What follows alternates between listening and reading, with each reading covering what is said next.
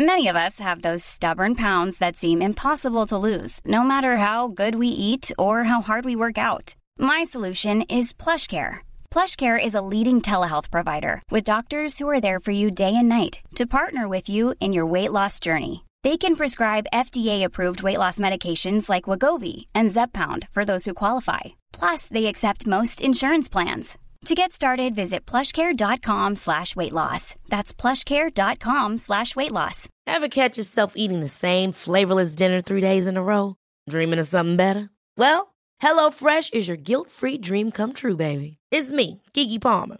Let's wake up those taste buds with hot, juicy pecan-crusted chicken or garlic butter shrimp scampi. Mm. Hello Fresh. Stop dreaming of all the delicious possibilities and dig in at HelloFresh.com. Let's get this dinner party started. There's never been a faster or easier way to start your weight loss journey than with PlushCare. PlushCare accepts most insurance plans and gives you online access to board-certified physicians who can prescribe FDA-approved weight loss medications like Wigovi and Zepbound for those who qualify. Take charge of your health and speak with a board-certified physician about a weight loss plan that's right for you. Get started today at plushcare.com slash weight loss. That's plushcare.com slash weight loss. plushcare.com slash weight loss. Dumma människor sponsras av AJ-produkter. Björn, vad är det som gör att man trivs på jobbet? Ja, men en sån superviktig sak som du och jag brukar tjata om, det är det här med kollegor och samspelet man har med sina arbetskamrater. Det mellanmänskliga. Relationer på jobbet, exakt. Mm, man motiverar varandra, positiv förstärkning och sådana saker. Exakt. Ja. Men det räcker ju inte med bara det. Nej. Man behöver också en bra fysisk miljö. Den ska vara säker och trygg. Man kanske vill ha ordning och reda på lager och sådana saker. Att det är ergonomiskt. Ja, en ljudmiljö som gör att det är lätt att hålla fokus och att man har kanske ordning och reda med rätt förvaring. Och det här är sånt som AI-produkter kan hjälpa dig med. Arbetsplatsinredningen, att se till att förbättra arbetsmiljön och ge allt ifrån råd om en bättre arbetsstol till att inreda en hel arbetsplats för hela företaget. Ja, AI-produkter säljer inredning för kontor, skola, lager och industri och erbjuder över 15 000 produkter och skickar från sitt lager i Halmstad. Och allt detta för att bidra till att människor har det bra på jobbet och att ingen inredningslösning ska stå i vägen för det. Det är Happiness at Work. Tack AI-produkter. De människor sponsras av Länsförsäkringar. Och Länsförsäkringar kan ju hjälpa dig med väldigt mycket mer än bara försäkringar. Till exempel sparande och lån och alla möjliga sådana bankgrejer. Precis, och jag kommer nu att tänka på när jag hade väldigt nytta av ett buffertsparande. Det var när jag köpte en sommarstuga som var jättefin på alla sätt. Förutom det att första gången jag kom dit så blev det regn. Ja. Och vet du vad det regnet kom någonstans ifrån? Det kom in genom taket på som var inomhus. Som jag, jag fick springa med, det var sån här slapstick-komedi, jag fick springa med såna här plåthinkar och sådär. Men eh, då var det faktiskt bra med en liten peng så att man kunde reparera taket. Ja, det- man är ju tacksam då att man har varit den här förnuftiga människan som tänkte att det kommer kanske inte bli exakt som jag hade planerat. För livet är ju så otroligt föränderligt. Ja, och det är då det är så himla bra att läsförsäkringar finns där för alltid.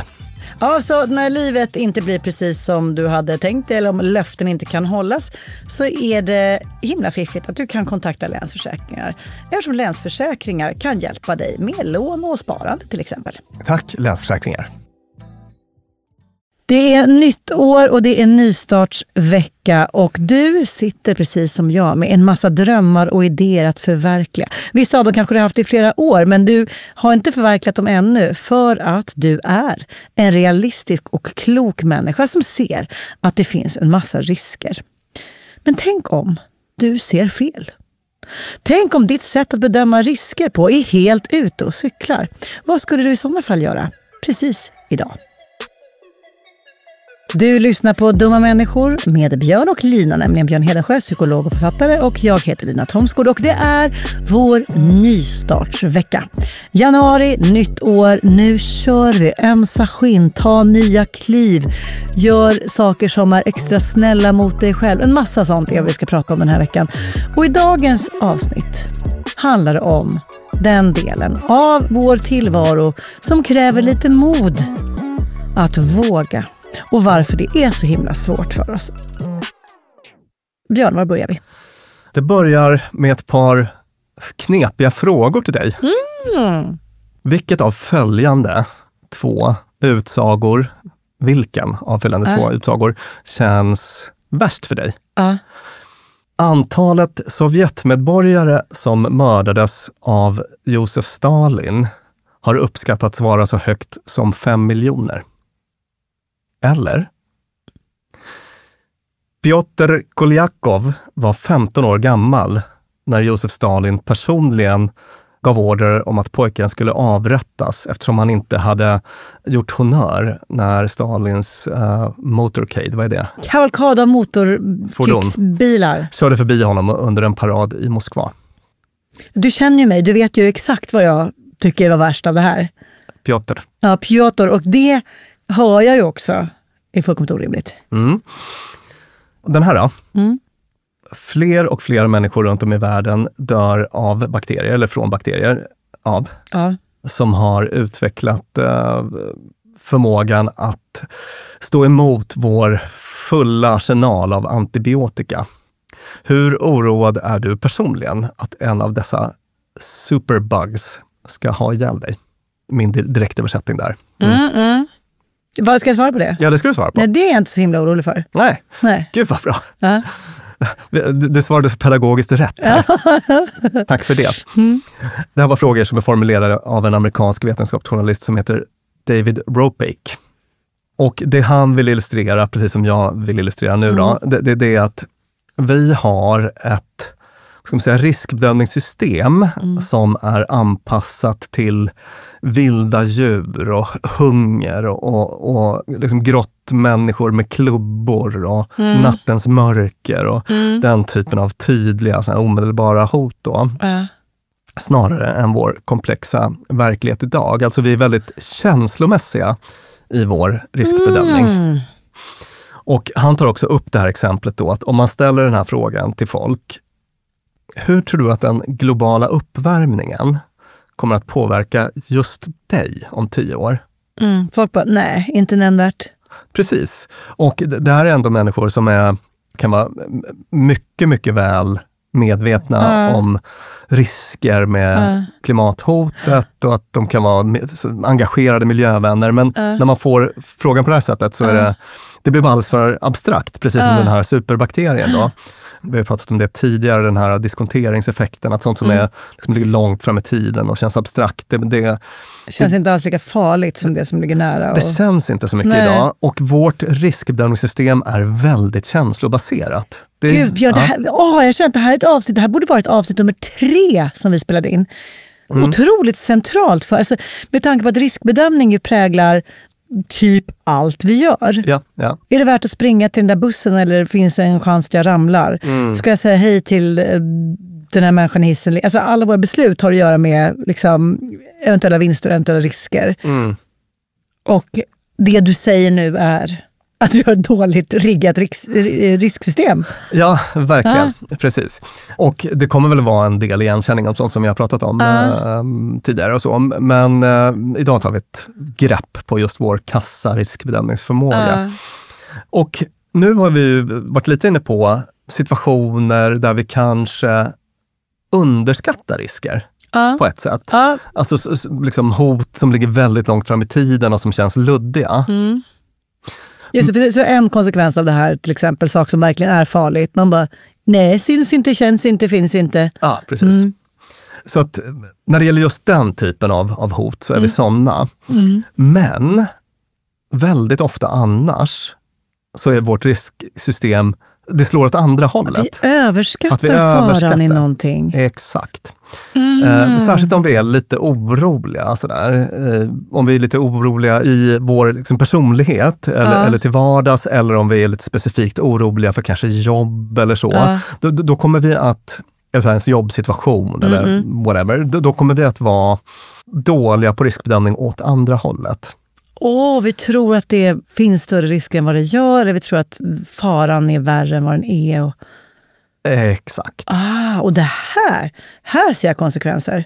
Absolut trist att drabbas av en superbug som man aldrig trodde skulle drabba en själv. Ja. Men att i sin vardag, dag ut och dag in, eventuellt gå runt och missa chanser för att man tror att det kan vara farligt när det inte är det. Nej, precis. Så att eh, idag blir förhoppningsvis ett peppigt avsnitt som kommer Ja. att få folk att våga chansa lite. För det är ju en viktig del av det här med nystart, inte sant? Ja, exakt. Och du och jag har gjort det flera gånger i livet. ja. Och det är väl ingenting vi ångrar idag, eller hur? Nej, nej, nej, nej, nej. Alltså jag skulle säga att en av de största lyckorna i mitt liv är att jag tidigt vågade göra saker som gick åt helvete så att jag lärde mig att det var inte hela världen. Mm. Så att jag därmed inte är lika rädd för att våga saker idag. Just det. Precis, men det finns då massa inre hinder och tankefel och sånt som, som sätter stopp för oss när det gäller det där. Och det är de vi ska gå igenom idag. Ja, Ja. för att som trogna dumma människolyssnare vet så är det ju ofta så att genom att vi vet om hur det fungerar så blir det lite lättare att förhålla sig till de här impulserna och känslorna och tvångstankarna eller vad det kan tänkas vara. Förhålla sig till det på ett lite sundare sätt. Ja, jag behöver inte agera på den här impulsen att fly, för det är nog inte så farligt. Jag kanske bara bedömde risken fel. Nej, exakt. Och allra sist så blir det ett gäng handfasta tips på hur Ah, man kan tips. ja, motverka den här grejen då. Våga välja växel och visa vad du kan. Oh!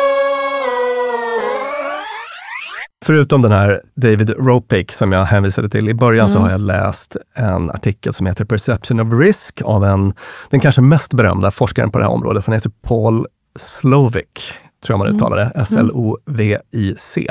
Och sen en bok som heter The Worry Cure av en psykolog som heter Robert Leahy. The worry cure. Ja. Mm. Känner du igen eh, namnet Robert Leahy? Nej, jag önskar att jag gjorde det. Fint litet namn. Mm. Du kommer däremot känna igen den här studien som jag Ja. har nämnt tidigare i Dumma människor och som jag ibland tar upp vid föreläsningar och sånt där. Nämligen den här studien som handlade om att väldigt mycket av det vi oroar oss för inte, Inte händer. Inte händer. Den här studien var upplagd så att det var visserligen personer som hade problem med oro som, Ja. som ingick, så att de var ju oroligare än snittmänniskan. Ja. Men då fick berätta om sina farhågor och sen så det. följde han upp och kunde då konstatera att 85 procent av det som folk oroade sig för inträffar aldrig. Och av de här 15 återstående procenten så gick det nästan alltid bättre att hantera eh, problemet än vad folk hade trott. Då. Så att även om det var en orolig grupp så är summa summarum med att, att väldigt mycket av det- vi katastrofierar blir det aldrig någonting med. Alltså där, jag, jag, det här är ju en empirisk studie baserad på en och dessutom inte speciellt genomtänkt. Men om man skulle se random dag i mitt liv, saker jag oroar mig över och hur mycket av det som inträffar. Ja, det är 10 procent. Ja. Max. Och det stämmer väl säkert också då att, att av de 10 procenten så går det Ja, men då löser man det bara när det väl händer. eh, exakt. Ja. Så att det är ofta så ja. Vi har här ett exempel på, säg att du är inte det minsta flygrädd. Ja, jag, jag har upptäckt det här på gamla dagar, att jag kan plötsligt få en släng av olika rädslor. Ja. Jag var hos tandläkaren en gång förra året, jag tror att jag berättade det. Skulle skrapa någon tandsten och plötsligt så bara, från ingenstans, jag har ju i den här podden hyllat tandläkarbesök. Ja, Att för mig är det som att gå på munmassage. just det. Och så plötsligt från ingenstans så bara, Du älskar när främlingar, gärna med gör saker uniform på mig. eller någon typ gör av... saker på mig. Gör saker ja. på dig. Ja. Men så plötsligt från ingenstans så bara panik. Mm. Sliter ut slangar, sprutor, slöjor, reser mig upp, rusar där, alltså på, på ett sätt som inte var normalt. Wow. Va, Eh, ja, mm. Vad blev det av det då? Det blev så mycket som att jag sen avbokade fem ytterligare tandläkartider där och sen sökte mig till en tandläkare som är specialist på tandläkarrädda personer trots att det kändes så jävla ojag. Ja. Alltså alla vet att jag älskar tandläkare. Men då hade inte hon tid, så då gick jag, när jag var utomlands, gick jag till en tandläkare där. Jag liksom bytte, ruskade om kontexten och då gick det hur bra som helst. Okej, och, och nu är du tillbaka. i- Annika Rouget snyggare än André. ja, de hur ser, rena? De ser väldigt fina ut. Ja. Ja, polerade. Eh, men det var inte det vi skulle prata om. Nej. Vi skulle Vi prata... ska prata om flygrädsla. Ja, eh, ibland har jag varit det, från Ja. ingenstans. Mm. Samma sak med höjd. Inte rädd, inte rädd, inte rädd. Plötsligt bara rädd. Ja, men om man då skulle verkligen göra en ordentlig riskanalys Ja. av det här med att flyga, då skulle man behöva kalkylera fem saker. Mm. Nummer ett, samla information om hur många gånger flygplan har kraschat his- historiskt sett. Ja. Och sen så samla information om hur många människor som har flugit. Så att man kan göra någon typ av Just det. Ja. En miljon flög och 20. dog i flygkrasch. Mm. Ja, kanske så.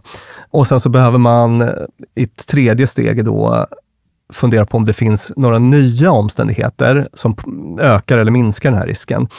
Alltså någon typ av... eh, Nu har du en ny flygmaskin som är lite mindre pålitlig eller tvärtom mer pålitlig. Eller nya säkerhetssystem har införts. Eller vädret har blivit lite lynnigare. Just Mm. det. Eller, eller, ja, eller terrorism var Just det ett tag. Det, det, var, det. det. var, det var ett tag när man, typ så här 2001, när, man, Ja. när det var, verkligen var en grej. Så där. Ja, jag minns, Ja. Så vänner med skägg som bara, jag kan inte flyga längre för folk liksom... Mm. Just det.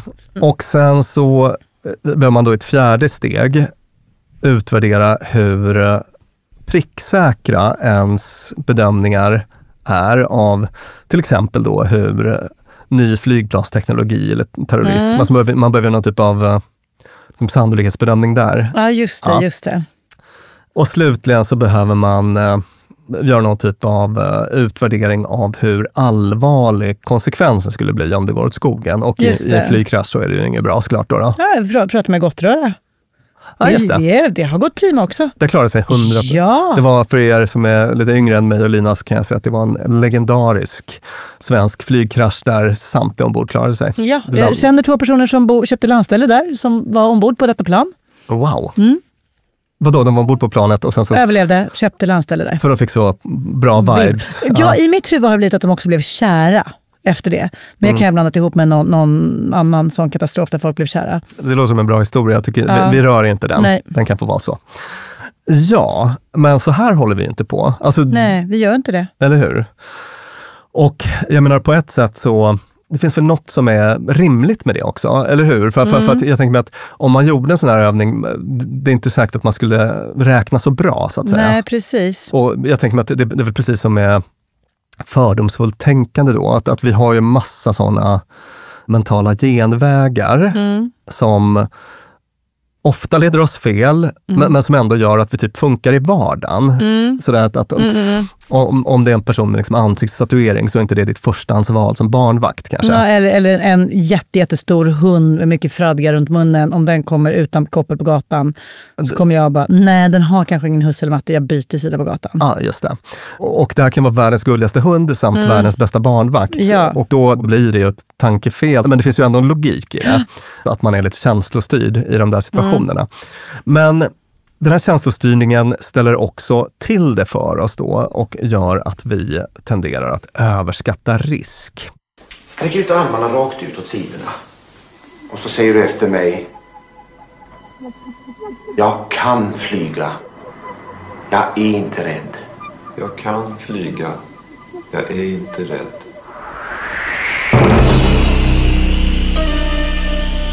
Och nu kommer faktorer som gör att vi tenderar att eh, uppvärdera en risk. Ah, Och sen ska vi försöka göra vårt bästa att koppla det till era vardagsliv. här. ah, åh vad spännande. Mm. Okej, faktum nummer ett. Aktualitet. Om vi har hört om något nyligen, till exempel en flygkrasch då, då, Ja.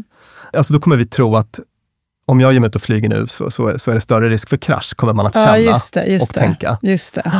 Men det finns ju egentligen ingen logik i det. Nej, det, kanske om man då ska använda Harrisburg, Tage, Hasse Tage-varianten, att det nyss hände. Mm. Statistiskt sett borde in, kanske betyda att det är mindre chans att det kan hända precis nu. Ja, just det. Ja, ja, exakt. Snarare så ja. Precis. Och sen så kan vi hoppa till, till en Ja, faktum nummer två då? ja, som är närliggande. Tillgänglighet. Tillgänglighetsbias har du hört om va? Ja, Mm. Om information är liksom väldigt lätt tillgänglig Ja. för oss, då kommer vi också ehm, tänka att det här måste vara superrelevant. Och så kommer vi att med större sannolikhet överskatta riskerna. Det, det finns ett sånt väldigt kul exempel som jag tror Mm. att Daniel Kahneman tar upp i eh, Thinking fast and slow. Just det. Nämligen att om man gör en sån enkät bland folk så, så tror människor i allmänhet att hajattacker är farligare än, att, än kokosnötter. Alltså att man, Ja, just det. Få en kokosnöt i huvudet under en palm.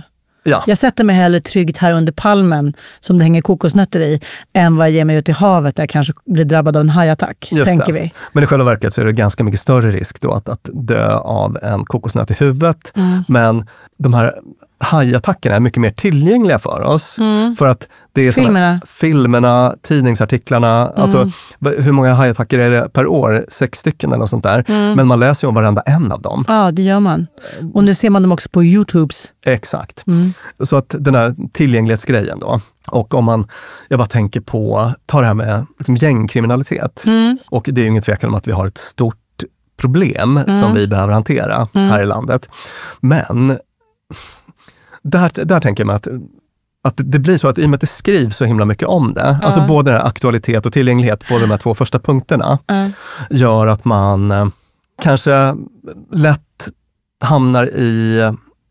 Alltså man tänker att jag löper personligen Mm. stor risk om jag Mm. rör, mig i fel del, del av stan eller Mm. Sådär. Men det, det. det gör man alltså, med all sannolikhet inte. Alltså man, att man Nej. överskattar Mm. risken väldigt mycket på grund av de här två faktorerna. Ja. Mm. Faktor tre. Kraftfulla bilder. Ja. Vad tänker du? Jag, jag tänker på hur vi använder oss av kraftfulla bilder när vi vill få människor att agera och känna relevans. Ja, Piotr, 15 år. Ja, ja, exakt. jag Istället ser för- honom framför mig istället för fem miljoner random ansiktslösa personer. Exakt. Och bilder i dess mest konkreta form är ju alltså så här, i sociala medier när vi vill engagera kring liksom det som sker i Gaza eller Ja. flyktingkrisen. För, alltså, här, där har ju bilderna varit liksom, eh, spelat jätte, jättestor roll. Och varför är det så? Att när jag ser en, en död pojke så tänker jag, eller är, är, det, är det helt enkelt så, när jag ser ett bylte som är en död pojke så tänker jag att det där hade kunnat vara Vito eller Max. Ja, det, Alltså blir det- ja precis. Alltså vi, vi, vi, har, vi har den där liksom, mänskliga blicken på det. Ja. Det är det som gör att Ja, det kan vara både bra och dåligt, tänker jag. Det, Ja. det, det, beror, det beror helt på situation. Så det, men, men, men det är det som gör att en, en död pojke smäller högre än statisti statistiken fem miljoner. Alltså det, det blir... um, Det kommer så nära. Eh, när du säger bilder så behöver det inte vara fo- fotobilder, utan det är bilden av, alltså så här, när jag berättar för dig ja, om pojken i ett bylt, tygbylte död Mm. på gatorna, Gaza, ja. då det är också en bild. Liksom. Verkligen. Mm. verkligen. Och, och då, eftersom vi alla har sett bilder på kraschade plan och Ja.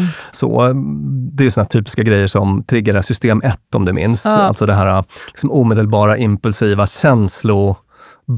det, när- beslutssystemet. Att man, eh, det känns i magen. Och, det, och då spelar det ingen roll hur många goda argument vi har för något annat, utan det, agerar man på system 1 så kommer bara det gillas som är ma- magstyrt, intuitivt och Ja. livräddt i det här sammanhanget. Exakt. Och vårt liksom, riskutvärderingssystem är väldigt mycket system 1 Ja, ja, just det. Och det här gör då att eftersom man så lätt kan se en sån här flygkrasch framför sig, det är ju väldigt lätt att visualisera, eller hur? Ja, visst. Jag gör det nu. Jag tänker lite oblika, någon som störtar Ja. i havet, jag får Ja. lite bilder i huvudet. Sådär. Då kommer det öka känslan av, av risk då. Får jag, får jag pausa här och bara fråga dig, betyder det, är det dåligt att vi fyller på vår informationsbank av den typen av bilder? Jag såg den här serien, eller filmen Leave the world behind häromdagen. Ja. Där det är en sån flygkrasch, väldigt liksom speciellt skildrad. Mm. Och där kände jag att så här, oh, det här var en ny bild i mitt huvud. Mm. Dumt att ha den om man ska ge sig ut på flygtur. Det hade varit bättre att inte ha den. Nej, just det. Är, är det så? Alltså, alltså så här, att, att vi samlar på oss nyhetsmedias och populärkulturens liksom triggande bilder av saker som, där den faktiska risken är väldigt låg, Ja. men som kan trigga oss att tro att den är hög. Är det dumt att vi... Ja, det, det är väl ett bra exempel på sån här eh, evolutionär mismatch som vi tar upp så himla Ja. ofta. Att, att, att det är superrimligt i en grottmänniskokontext Mm. att om man ser något väldigt läskigt så ska alarmsystemet dra igång Ja. och man ska vara i full beredskap. Men i, i våra sån här, liksom informationsbombade samhällen så blir det ju för mycket. Då, då måste man hitta strategier för att eh, hantera det. Ja, Så att inte den där eh, filmscenen ja, ger dig PTSD. ja, exakt.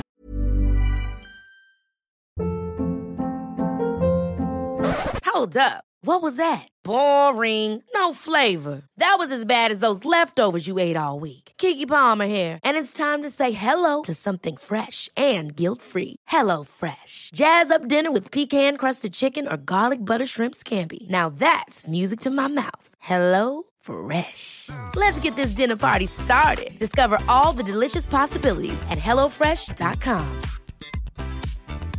Many of us have those stubborn pounds that seem impossible to lose, no matter how good we eat or how hard we work out. My solution is PlushCare.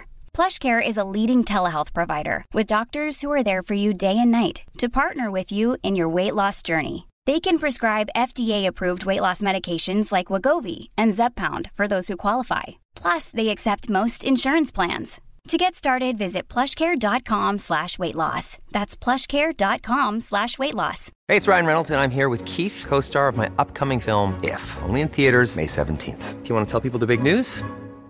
All right, I'll do. Sign up now and you'll get unlimited for $15 a month in six months of Paramount Plus Essential Plan on us. Mintmobile.com slash switch. Upfront payment of $45 equivalent to $15 per month. Unlimited over 40 gigabytes per month. Face lower speeds. Videos at 480p. Active Mint customers by 531.24 get six months of Paramount Plus Essential Plan. Auto renews after six months. Offer ends May 31st, 2024. Separate Paramount Plus registration required. Terms and conditions apply if rated PG.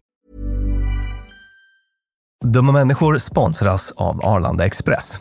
Och du vet om man ska iväg sådär riktigt, riktigt tidigt, alltså fakirtidigt. Ja, svårt för mig som kvällsperson. Men Ja, för mig, för mig lite enklare, men då kanske det är ännu, ännu tidigare Ja. för mig. Det är nästan 11 på kvällen. Ja, så tidigt på morgonen är det.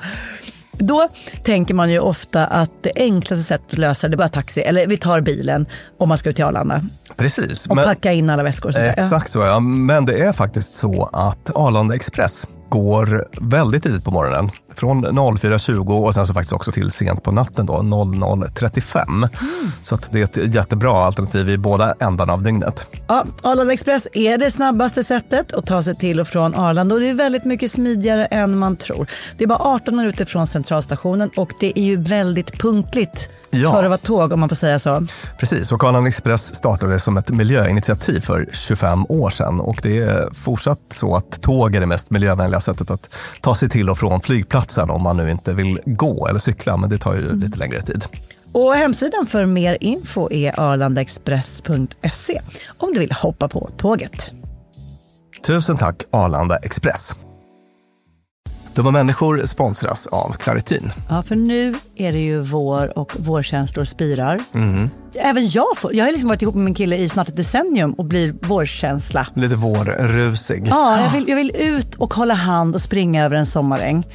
Ja. Då kan man tänka att det är synd om de som inte kan det. Det är rätt många ja. Det är det. Ja. Och det märker man alltid på just våren. För det är då de kommer in på kontoret och när alla andra är så uppspelta för att gatorna är sopade och solen gnistrar så är det liksom bara rinnande ögon, rinnande näsa, det Min kliar. pappa till exempel, pollenallergiker som älskar att påta i trädgården då. Och det vill man ju att han ska kunna göra. Och det är där vårt budskap från Clarityn kommer in i bilden. För det, Clarityn ger vårkänslorna en chans för allergiker. Det är antihistamin vid tillfälliga allergiska besvär, till exempel pollen, pälsdjur eller dammallergi, som ger snabb effekt inom en till tre timmar. Och besvären lindras i hela 24 timmar. Clarityn, en tablett och sirap, Loratadin, är receptfria läkemedel vid tillfälliga allergiska besvär hos vuxna och barn över 6 år och kroppsvikt över 30 kilo om du tar tablett. Du ska inte ta Clarityn om du är gravid eller ammar. Läs bipacksedeln noga innan du tar Claritin, särskilt om du har en leversjukdom eller ska genomgå hudtester för allergi. Och kontakta läkare om du inte mår bättre eller om du mår sämre efter sju dagar. Och kontakta alltid läkare vid användning längre än tre månader. Och mer om det här kan du läsa på bayer.se. Tusen tack Claritin. Ja. The thing is, I assess risk for a living, so I know that I have a 0.013% chance of being hit by a car on my way home, or a 1 in 46,000 chance of falling through a subway grate. Really? So I try to manage that risk by avoiding danger and having a plan and knowing what my next move is. And I guess you don't exactly live your life that way. No, I do it. I do it a little differently. Faktor nummer fyra som påverkar oss att tro att riskerna är högre än vad de verkligen är. Personlig relevans. Mm. Byltet, pojken Byltet, är en pojke vars kropp ser ut att väga ungefär lika mycket som min sons kropp. Just det, exakt. Och det är väl en sån grej som ganska många föräldrar brukar beskriva. Ja. Hur, hur man blir mycket mer risk tänkande, Mm. mer riskavärt, alltså att man undviker risker Mm. på ett kanske lite orimligt sätt. Det finns ju det här äh, ångestsyndromet som kallas GAD, generaliserat ångestsyndrom, alltså Mm. när man är lite orolig för för allt möjligt. Mm. Och som äh, särskilt småbarnsförälder så, så är det ju det är som att alla får lite GAD light i alla fall. Ja. Känner du igen det? Eller? Ja, Mm. ja, jag är inte helt ute ur det, Nej. märker jag.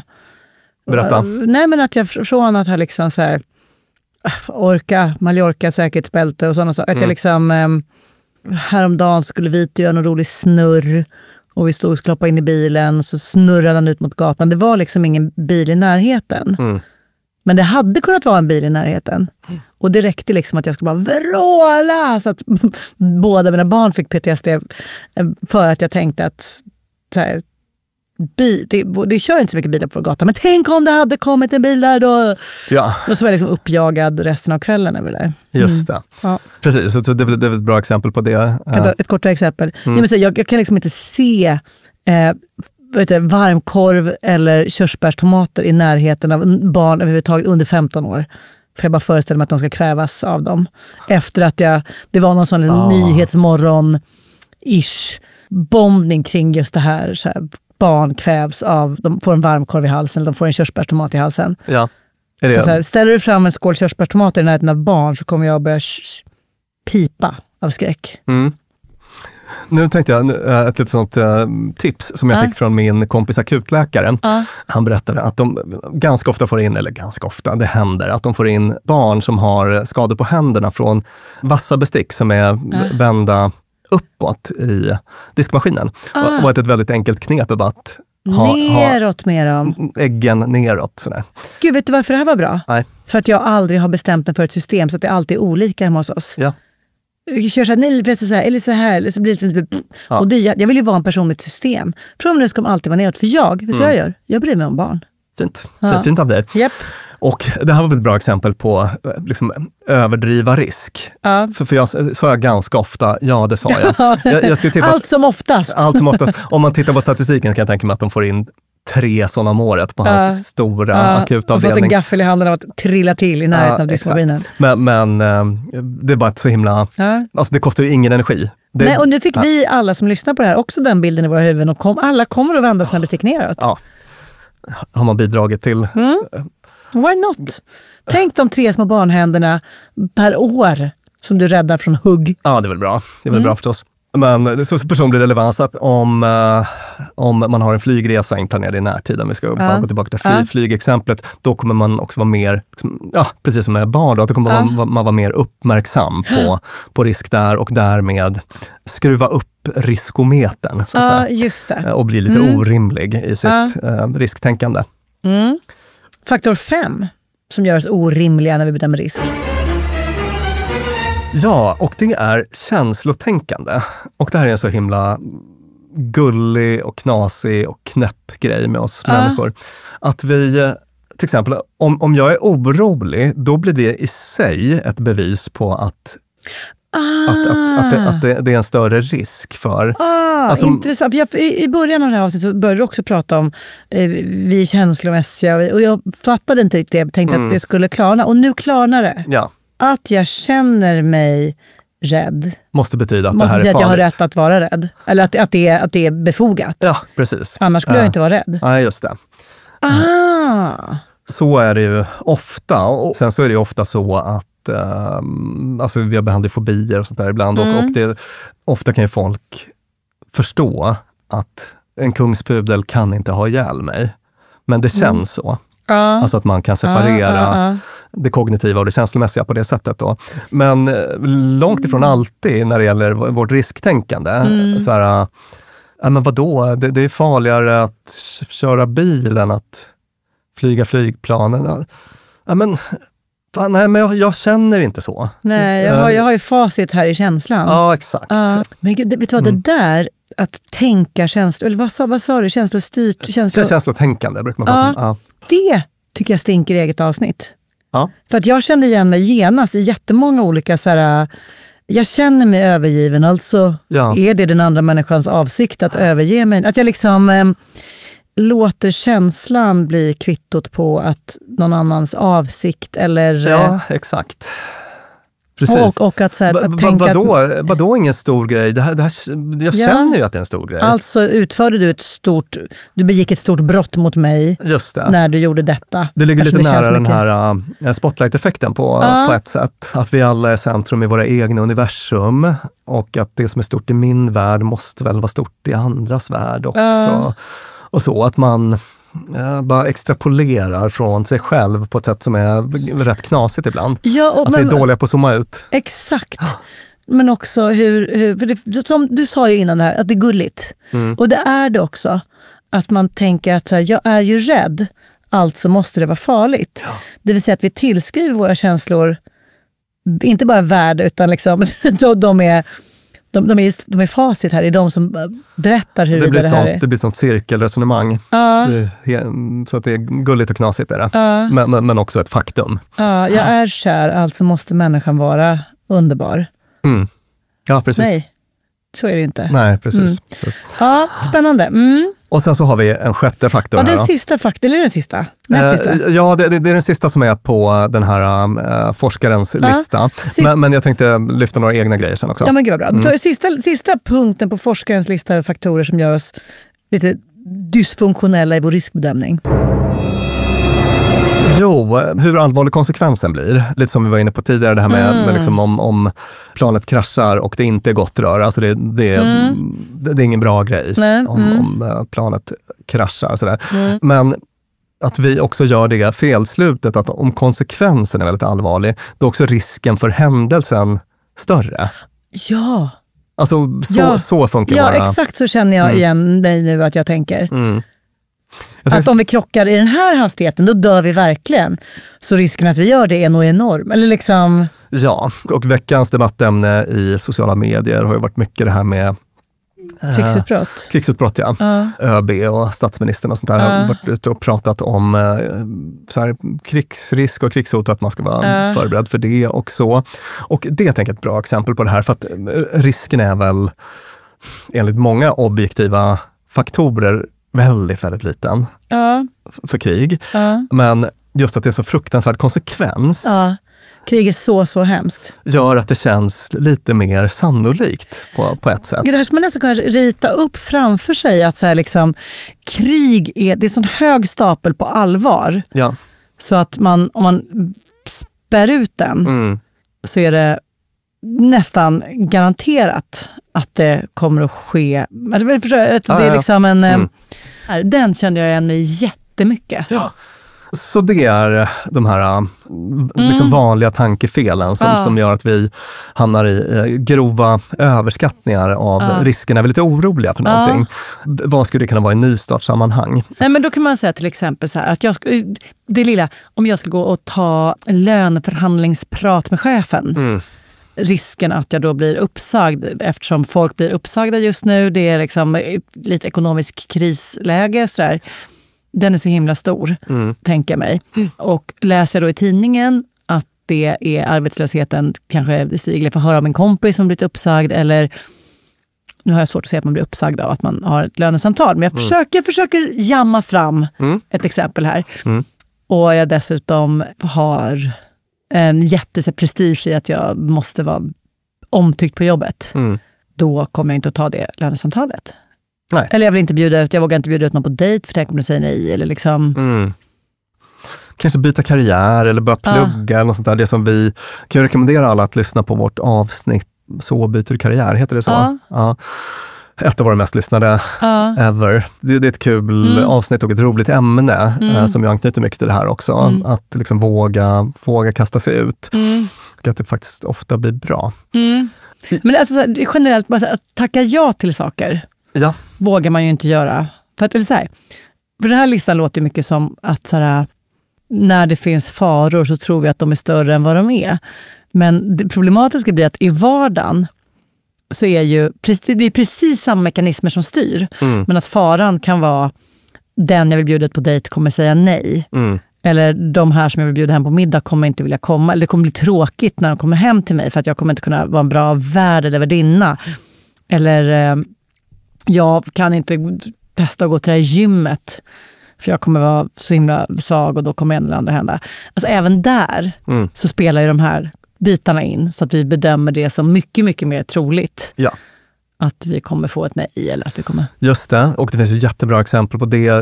Det här mm, har vi tjatat om några gånger tror jag, men, men till exempel de här studierna på småprat. Mm. Att, att folk alltid tänker att om jag går fram till någon på ett tåg så kommer den personen tycka jag är jobbig. Mm. Det, en, en, en tydlig majoritet tror det. Mm. Eh, jag minns inte vad det var för siffror i de studierna, men kanske 80 procent eller något sånt Mm. där tror att folk kommer störa sig på mig Mm. om jag går fram och pratar med en Mm. främling på tåget, småpratar.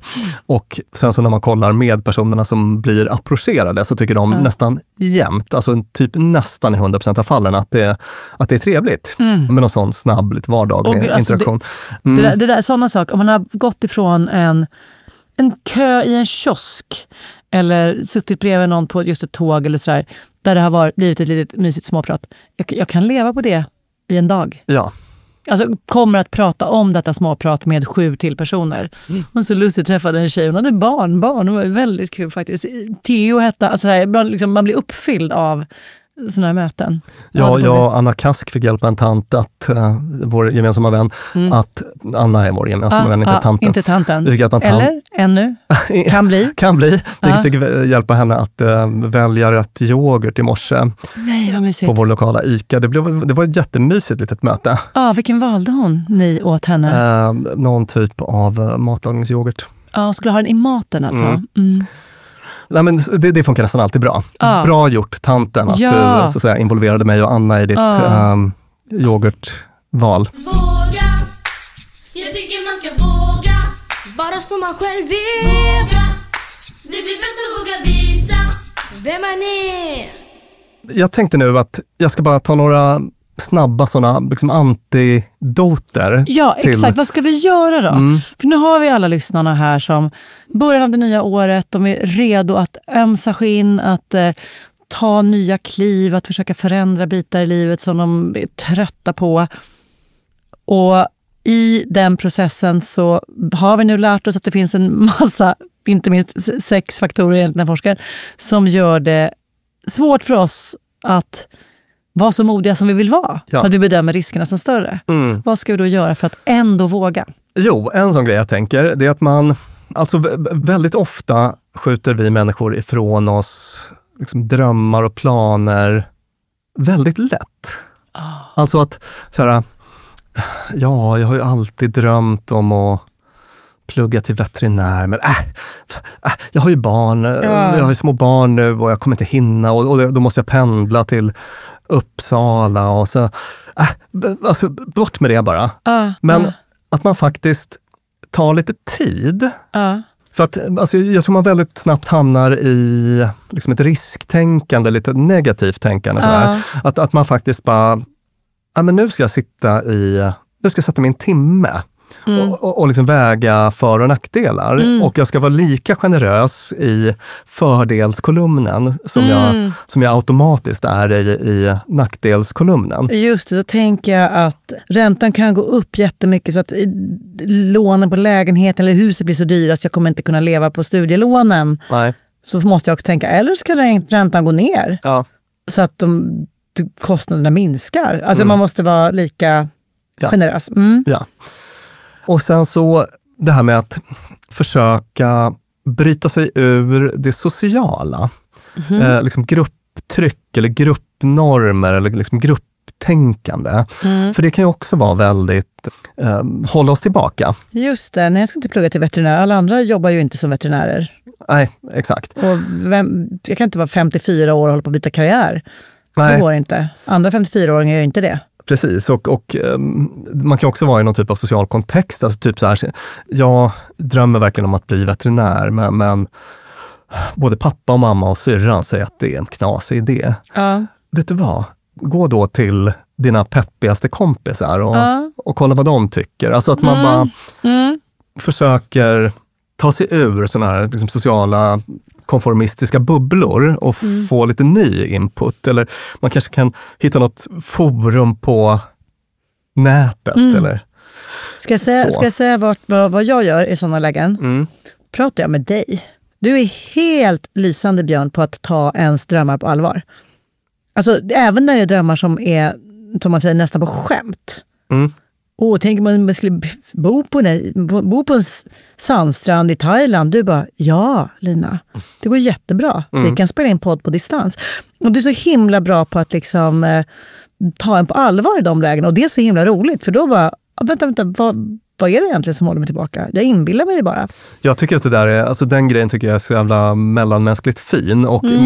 inte om du minns det från Gottmans eh, Love Lab. Ja, man ska men- se varandras drömmar och bekräfta dem. Se, och hjälpa bekräfta dem och liksom, stötta. Det, det var en sån riktig framgångsfaktor Ja. i um, långsiktigt lyck, lyckliga relationer. Att man, Mm. Det var det som jag och min exfru var eh, bäst på. Att, tycker jag. Att, att också så här, ja, men är det där jätteviktigt för dig, då klart vi ska se till att det blir av. Just det. Eller som vår kompis um, Axel, våra kompisar Axel, Axel och Agnes, som, är, som vi lyfte i det avsnittet också, som är, som är såna svenska mästare på just den grejen. Den, den här, så här, vi kan absolut bråka om små saker, men det här stora, viktiga för Mm. dig, det ska vi anstränga oss för att få till. Sådär. Du, Ja. det här ska vi ta med oss, både du och jag och, och lyssnarna. En av alla saker vi ska ta med oss från det här avsnittet. Det kan man ju bli, oavsett om det handlar om att man själv ska våga någonting eller inte. Man kan ju bli den där peppande vännen. Ja. Den som någon bara säger, åh, jag skulle vilja bli författare. Det kan, vad är det som hindrar dig? Ja. Gör det här. Jag tror det skulle kunna, alltså att bara ta den drömmen på allvar. Ja. Sen så bara om man, om man vänder på, på den grejen då och tänker, alltså om vi ska ha en reality check-punkt. Ja. Då, då kan det vara att, vi var inne på det här med framtidsfällan tidigare, Mm. att, att om något är liksom abstrakt och långt borta, Mm. då kan det gå åt andra hållet, att man kan bli lite orealistisk kanske. Eller Ah. om tio år ska jag... När jag är miljardär, Ja. tänker man utan att lyfta ett finger idag för att bli miljardär. Ja, just det. Alltså, då, då kanske man hamnar så långt från det realistiska, så att man på ett sätt minskar chansen att det ska hända. Fattar du vad jag menar? Jag fattar helt. Och då finns det ett knep, en liten sån tankeövning man kan göra som Ja. är så här, föreställ dig att det här ska vara, inte om tio år, utan om tre månader. Ja, Vad behöver jag göra då? Att man just det. flyttar det från väldigt långt i framtiden till, till närtid. För då Just tvingas det. man tänka mer konkret och blir då kanske mer eh, realistisk i sin riskbedömning och eh, också bättre i sitt beslutsfattande. Och man kanske Mm. på så sätt faktiskt ökar chansen att den här drömmen blir av.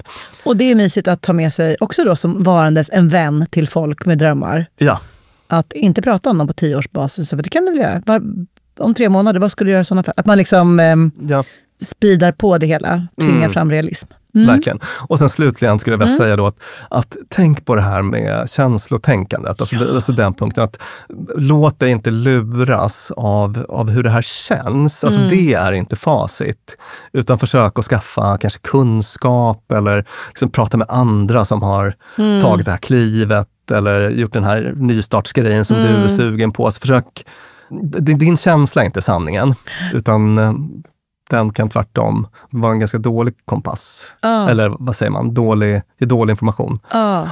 Åh, vad bra. Mm. Avfärda inte dina egna och andras drömmar för lätt, utan peppa dem och förlägg dem inte heller för långt i framtiden. Och var aktsam på att du inte använder dina känslor för mycket, för, för mycket som kvitton på att någonting är farligare än vad det egentligen är. Ja, precis. Gud vilka bra tips Björn. Mm. Ja, kära lyssnare.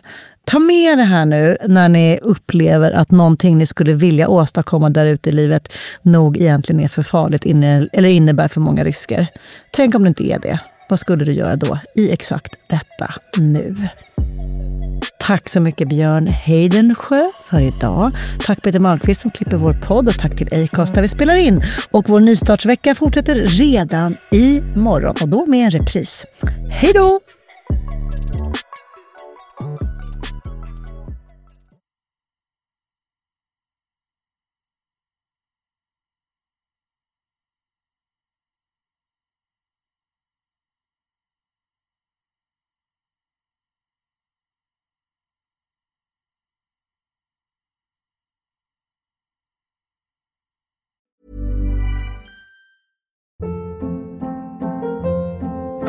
Hold up. What was that? Boring. No flavor. That was as bad as those leftovers you ate all week. Kiki Palmer here, and it's time to say hello to something fresh and guilt-free. Hello Fresh. Jazz up dinner with pecan-crusted chicken or garlic butter shrimp scampi. Now that's music to my mouth. Hello Fresh. Let's get this dinner party started. Discover all the delicious possibilities at hellofresh.com.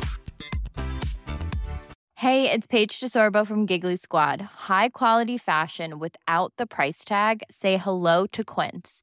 I'm snagging high-end essentials like cozy cashmere sweaters, sleek leather jackets, fine jewelry, and so much more. With Quince being 50 to 80% less than similar brands. And they partner with factories that prioritize safe, ethical, and responsible manufacturing. I love that. Luxury quality within reach. Go to quince.com slash style to get free shipping and 365 day returns on your next order. Quince.com slash style.